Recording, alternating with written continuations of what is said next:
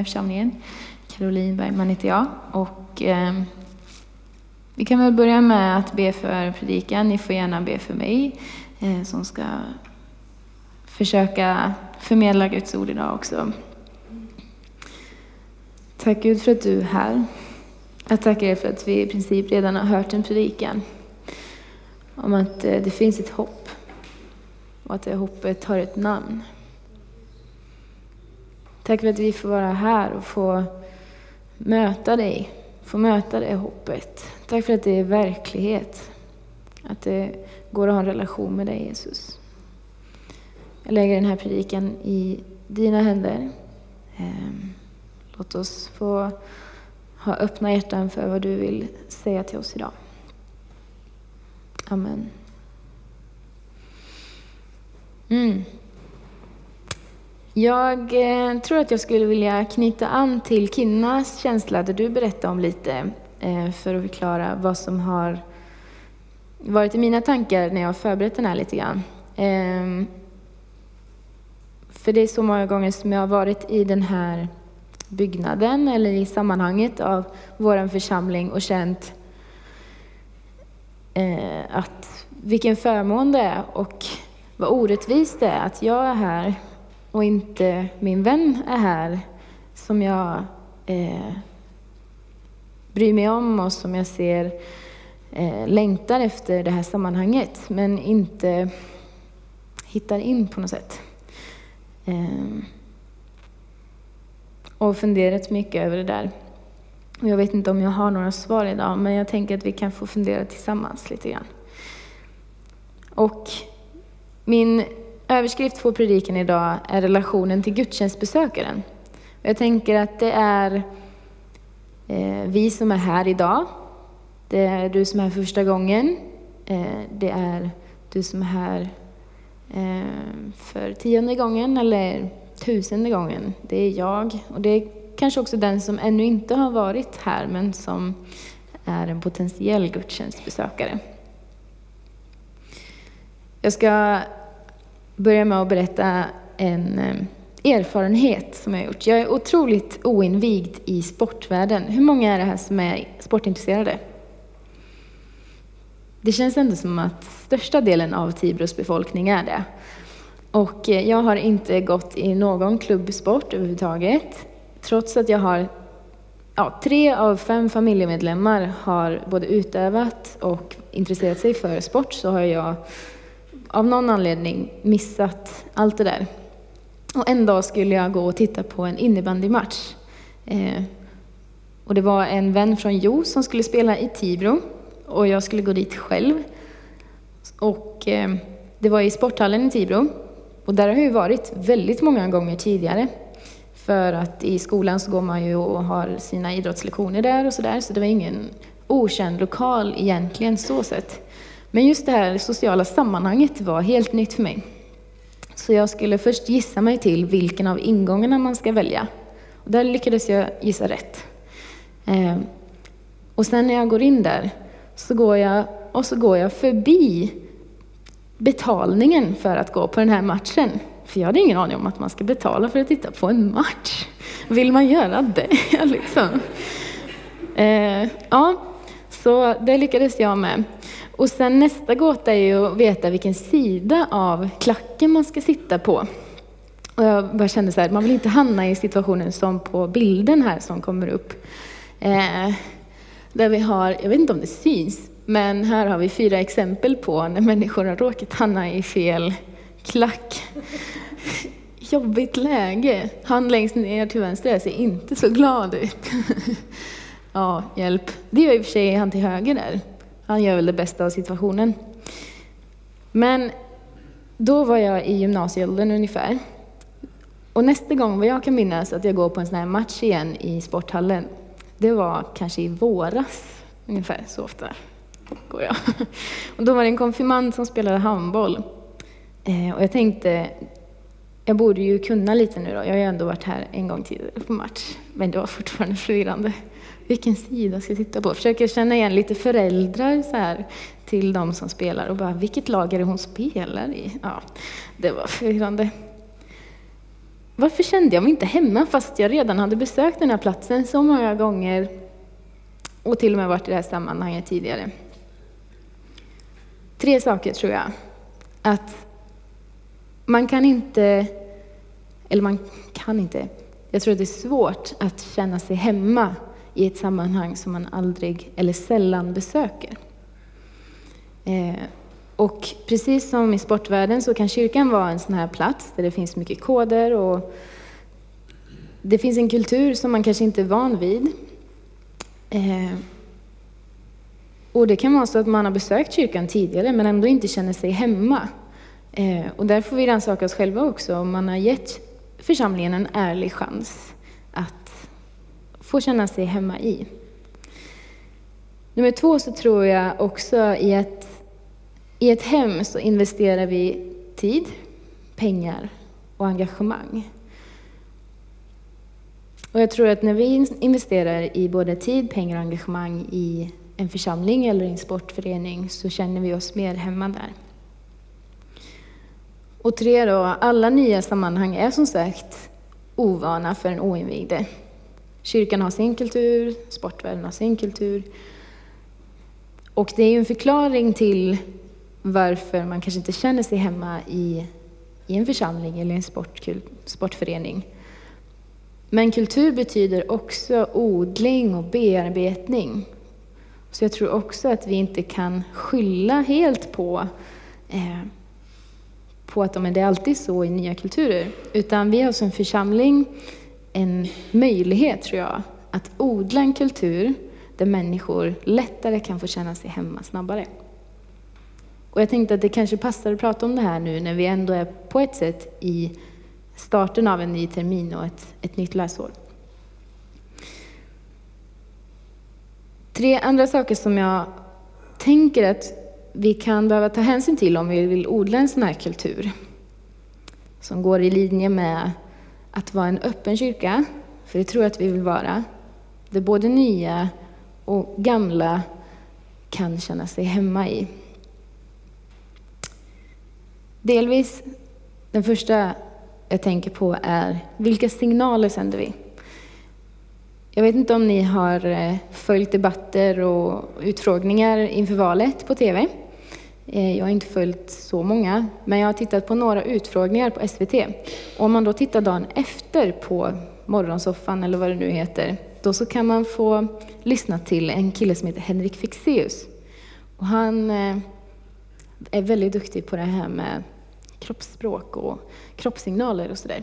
Och det är väldigt roligt. Jag har lärt mig mycket på det där. Jag har lärt mig delvis att den här eh, gesten betyder kyrktornet, eller den kallas för kyrktornet och betyder att, ja, jag vet inte, men den inger en känsla av auktoritet och att det jag säger, det är verkligen något att lyssna på. Och verkligen någonting bra att veta. Ja. Eh, och lite sådär, man vet, han kan se på en partiledare när de är nervösa och när de är förtroendegivande och när, de, när det de säger stämmer överens med det de verkligen tror på. Och, sådär. Um, ehm, och jag tänker att vi som kyrka också ibland behöver tänka på vilka signaler vi sänder ut. Vi har eh, mycket som jag tror att vi gör väldigt bra och sen saker som vi kan utvecklas på. Och jag tänker att det här handlar verkligen om att vi ska bara... Människor ska inte behöva missa chansen att få känna sig hemma här i onödan. Det är det det handlar om.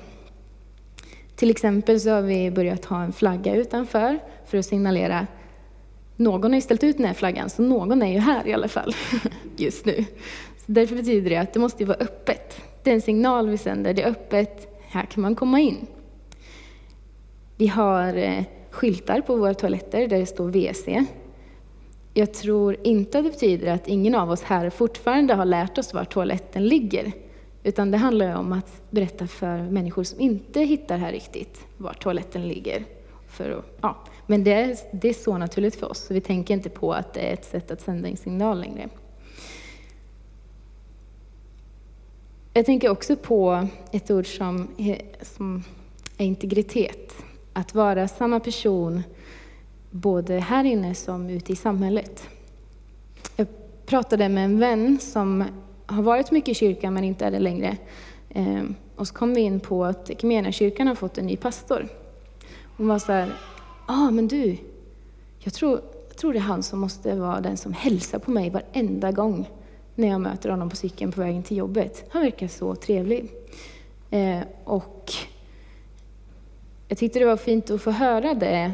Eh, och inspirerande också att han väljer att ha integritet och vara pastor även utanför kyrkan och hälsa på människor och bygga förtroende redan där och inte bara när de kommer innanför kyrkdörren. Vi har ju också börjat satsa ganska mycket på sociala medier i vår kyrka. Ehm, och det är också ett sätt att sända signalen om att vi har förstått att det är många som är ute på sociala medier och hämtar deras information där. Därför vill vi möta er där ni är. Sen då, när vi har sänt signalerna, hur bemöter vi då människorna som kanske eh, har hittat hit eller som vi möter ute på samhället? Eh, lever vi upp till de signalerna som vi sänder?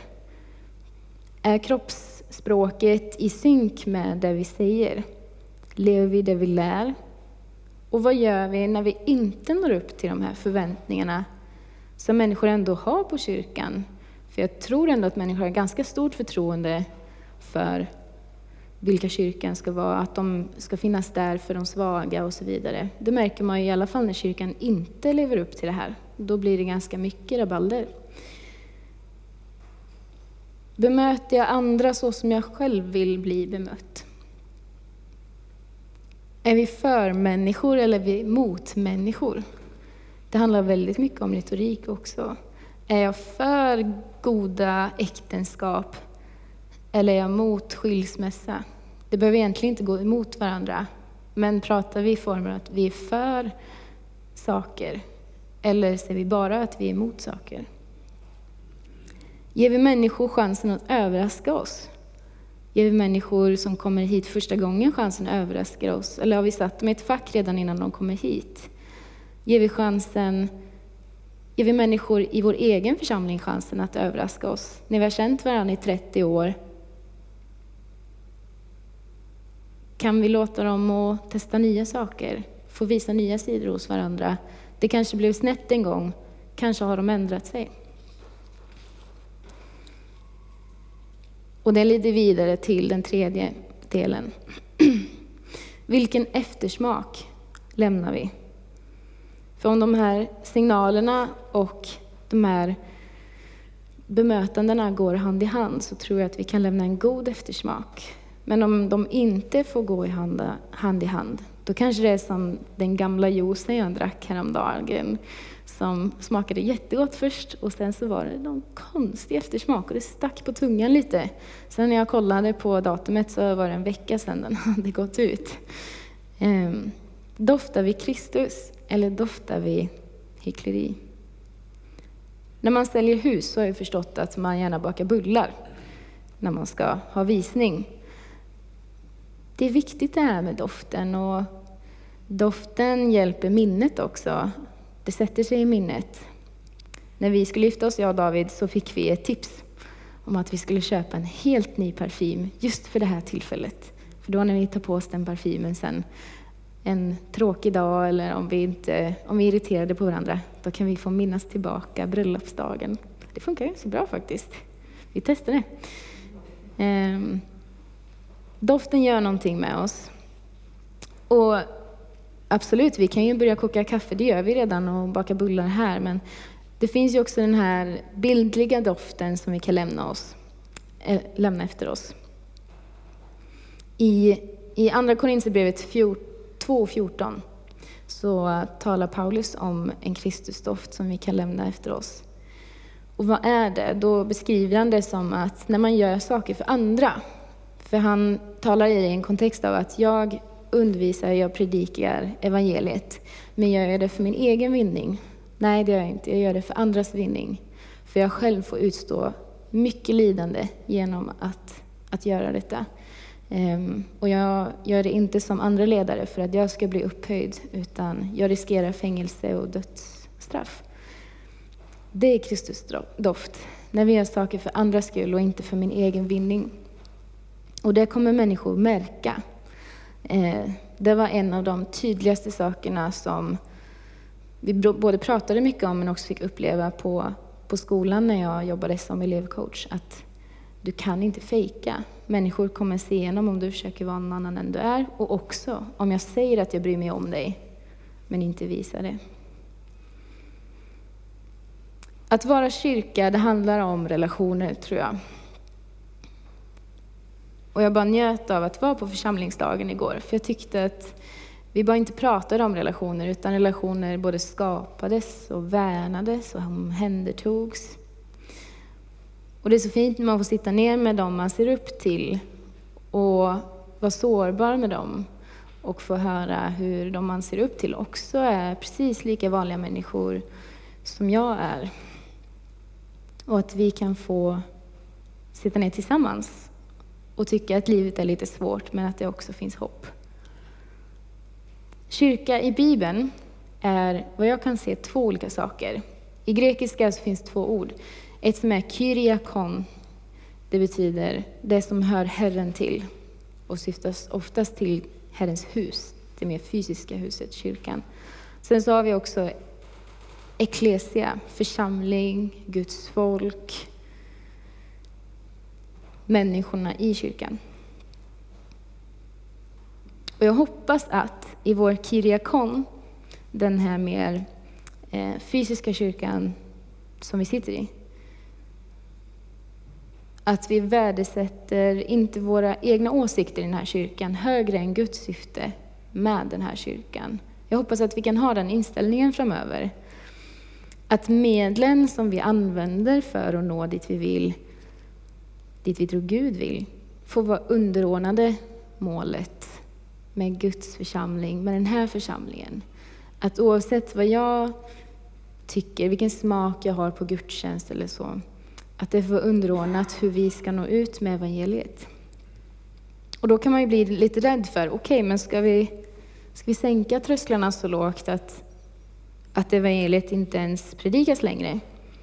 Ska vi göra avkall på våra värderingar? Nej, jag tror vi kan hitta stöd i Bibeln för hur vi ska göra. Paulus igen skriver i Första Korinthierbrevet 9. Fri och oberoende av alla har jag gjort mig till allas tjänare för att vinna desto fler. För de svaga har jag varit svag för att vinna de svaga. För alla har jag blivit allt, för att i alla fall frälsa, frälsa några. Allt gör jag för evangeliet, för att även själv få uppleva det, står det i en annan översättning. Är det här att göra avkall på sina värderingar eller avkall på evangeliet? Nej, jag tror inte det. Det handlar inte om att vara falsk eller lura folk in i kyrkan. Det handlar om att tala deras språk. Han fortsätter i Andra Korintierbrevet genom att förtydliga det. Han skriver, vi har tagit avstånd från allt hemligt och skamligt och använder inga knep. Vi förfalskar inte Guds ord utan lägger öppet fram sanningen och överlämnar oss inför Gud åt varje människas samvete. Vi är ständigt trängda men inte instängda, rådvilla men inte rådlösa, förföljda men inte övergivna, nedslagna men inte utslagna. Allt sker för er skull, för att nåden ska nå allt fler och få tacksägelsen att flöda över till Guds ära. Det måste gå att få ihop att delvis vara på vanliga människors nivå, prata vanliga människors språk, men också lägga fram evangeliet klart och tydligt. Jag hoppas att Gud ska hjälpa vår församling att vara sådana. I vår eklesia, kyrkan som folket, som Guds folk, där hoppas jag att vi kan få hitta hem i Guds familj. Johannes evangeliet 1.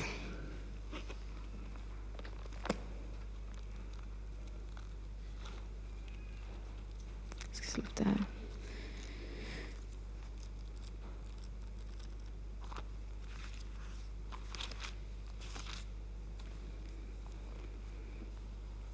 Ett och tolv.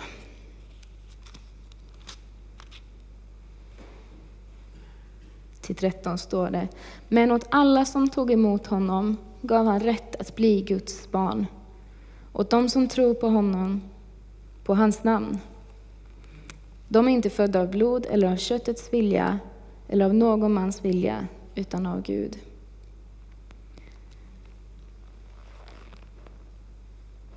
Jag hoppas att vår församling kan vara ett hem för de som tar emot Jesus. Men också en plats där människor kan få vara tills de tar, fram, tar det beslutet, tills de hittar hem i, det, i, den, hem, i den familjen. Och här kommer vi till vad jag tror är det viktigaste valet. Vi är i valtider, det vet vi alla om. Men det viktigaste valet jag tror vi kan göra, det är att tro på Gud, på Jesus, att älska honom, att ha en relation med den här världens skapare. I Lukas 10.27 står det, han svarade på frågan om vad det, vad det viktigaste budet är. Du ska älska Herren din Gud av hela ditt hjärta, av hela din själ, av hela din kraft och av hela ditt förstånd och din nästa som dig själv. Här har vi egentligen två, två val. Och det första är att älska din Gud. Att tro, man kan inte älska någon som man inte tror på, så det ingår att tro på Gud. Att det är det viktigaste valet du kan göra.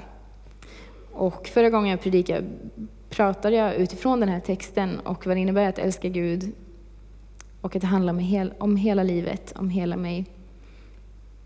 Men det andra viktigaste valet står i samma mening, att älska din nästa som dig själv.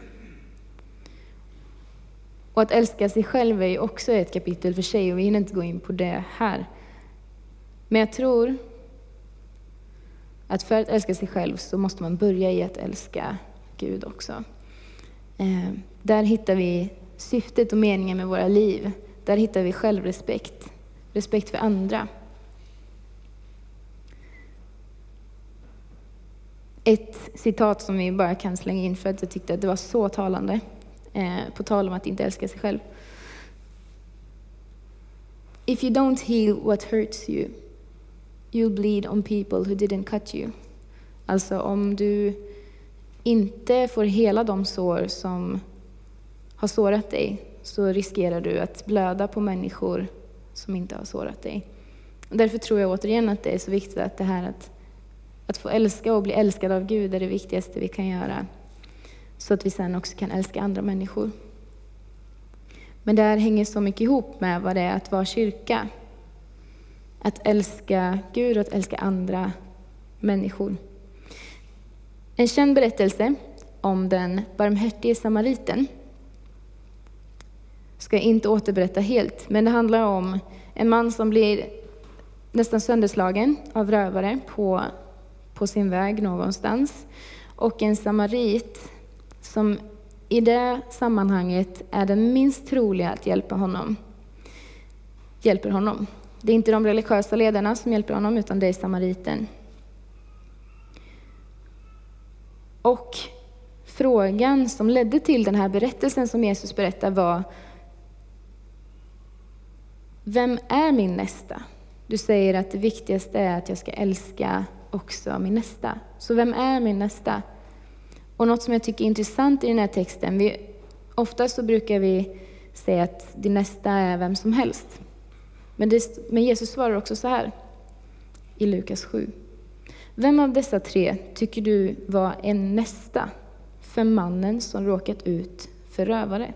Ofta tänker vi att en nästa är någon som är i ett förhållande till någon som är över den andra. Men nu var frågan, vem är nästa till den som var sårad? Han svarade, den som visade honom barmhärtighet. Då sa Jesus, gå och gör som han. Så den nästa är både den som var i överläge och den som var i underläge. Det, det är alla människor. Eh, men studerar man också vidare i Bibeln på andra ställen där det talas om sin nästa, så säger Gud också att du ska älska din nästa och din nästa är de i Guds familj. Han menar på att kan vi inte ta hand om varandra i Guds familj, vad har vi då för förtroende i samhället? För de som tittar på. Vi måste kunna ta hand om varandra.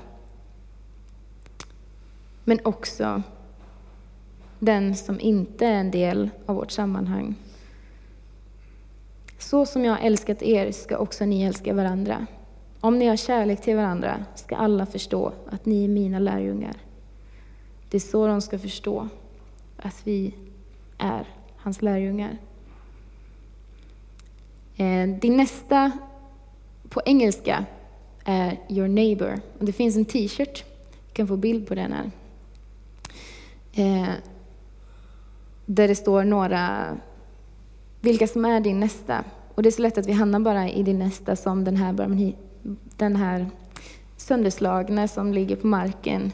Men om man funderar på vilka de kan vara i vårt samhälle så tror jag också att vi kallar det att älska din nästa eh, homosexuella, din nästa SD-väljare, din nästa vänsterväljare, din nästa granne, din nästa församlingsmedlem eller kollega.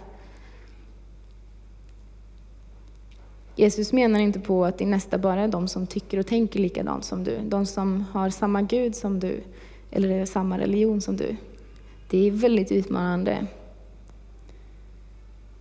Men i första, i första församlingen, när, på Jesu tid, eh, så kunde människor runt omkring, och det här är dokumenterat ur andra texter, säga Se hur de älskar varandra. Så sa de om medlemmarna. Eh, tänk om människor kunde få säga så om oss. Se, de älskar varandra. Det måste finnas något speciellt där. Hur ska vi älska vår nästa? Det är också en bra fråga. Och jag tror att vi har fått en nyckel som kallas för gyllene regeln där. Den är så utsliten på ett sätt. Den finns att hitta nästan i alla religioner med vissa modifikationer. Men jag har också mött gyllene regeln allt vad ni vill att människor ska göra för er, det ska ni göra för dem. Den har jag också mött i sammanhang där den istället vänds på och används som en ursäkt för att ja, men du gjorde ju så för mig, det måste betyda att du vill att jag ska göra så tillbaka. Men det är inte det som är tanken. Gyllene regeln är inte en ursäkt för att få hämnas. Det är ett sätt att lära oss empati. Gyllene regeln är inte en analys av andras beteenden. Att men han beter sig ju så, så då betyder det att han vill att jag ska bete sig likadant. Nej, det är ett sätt att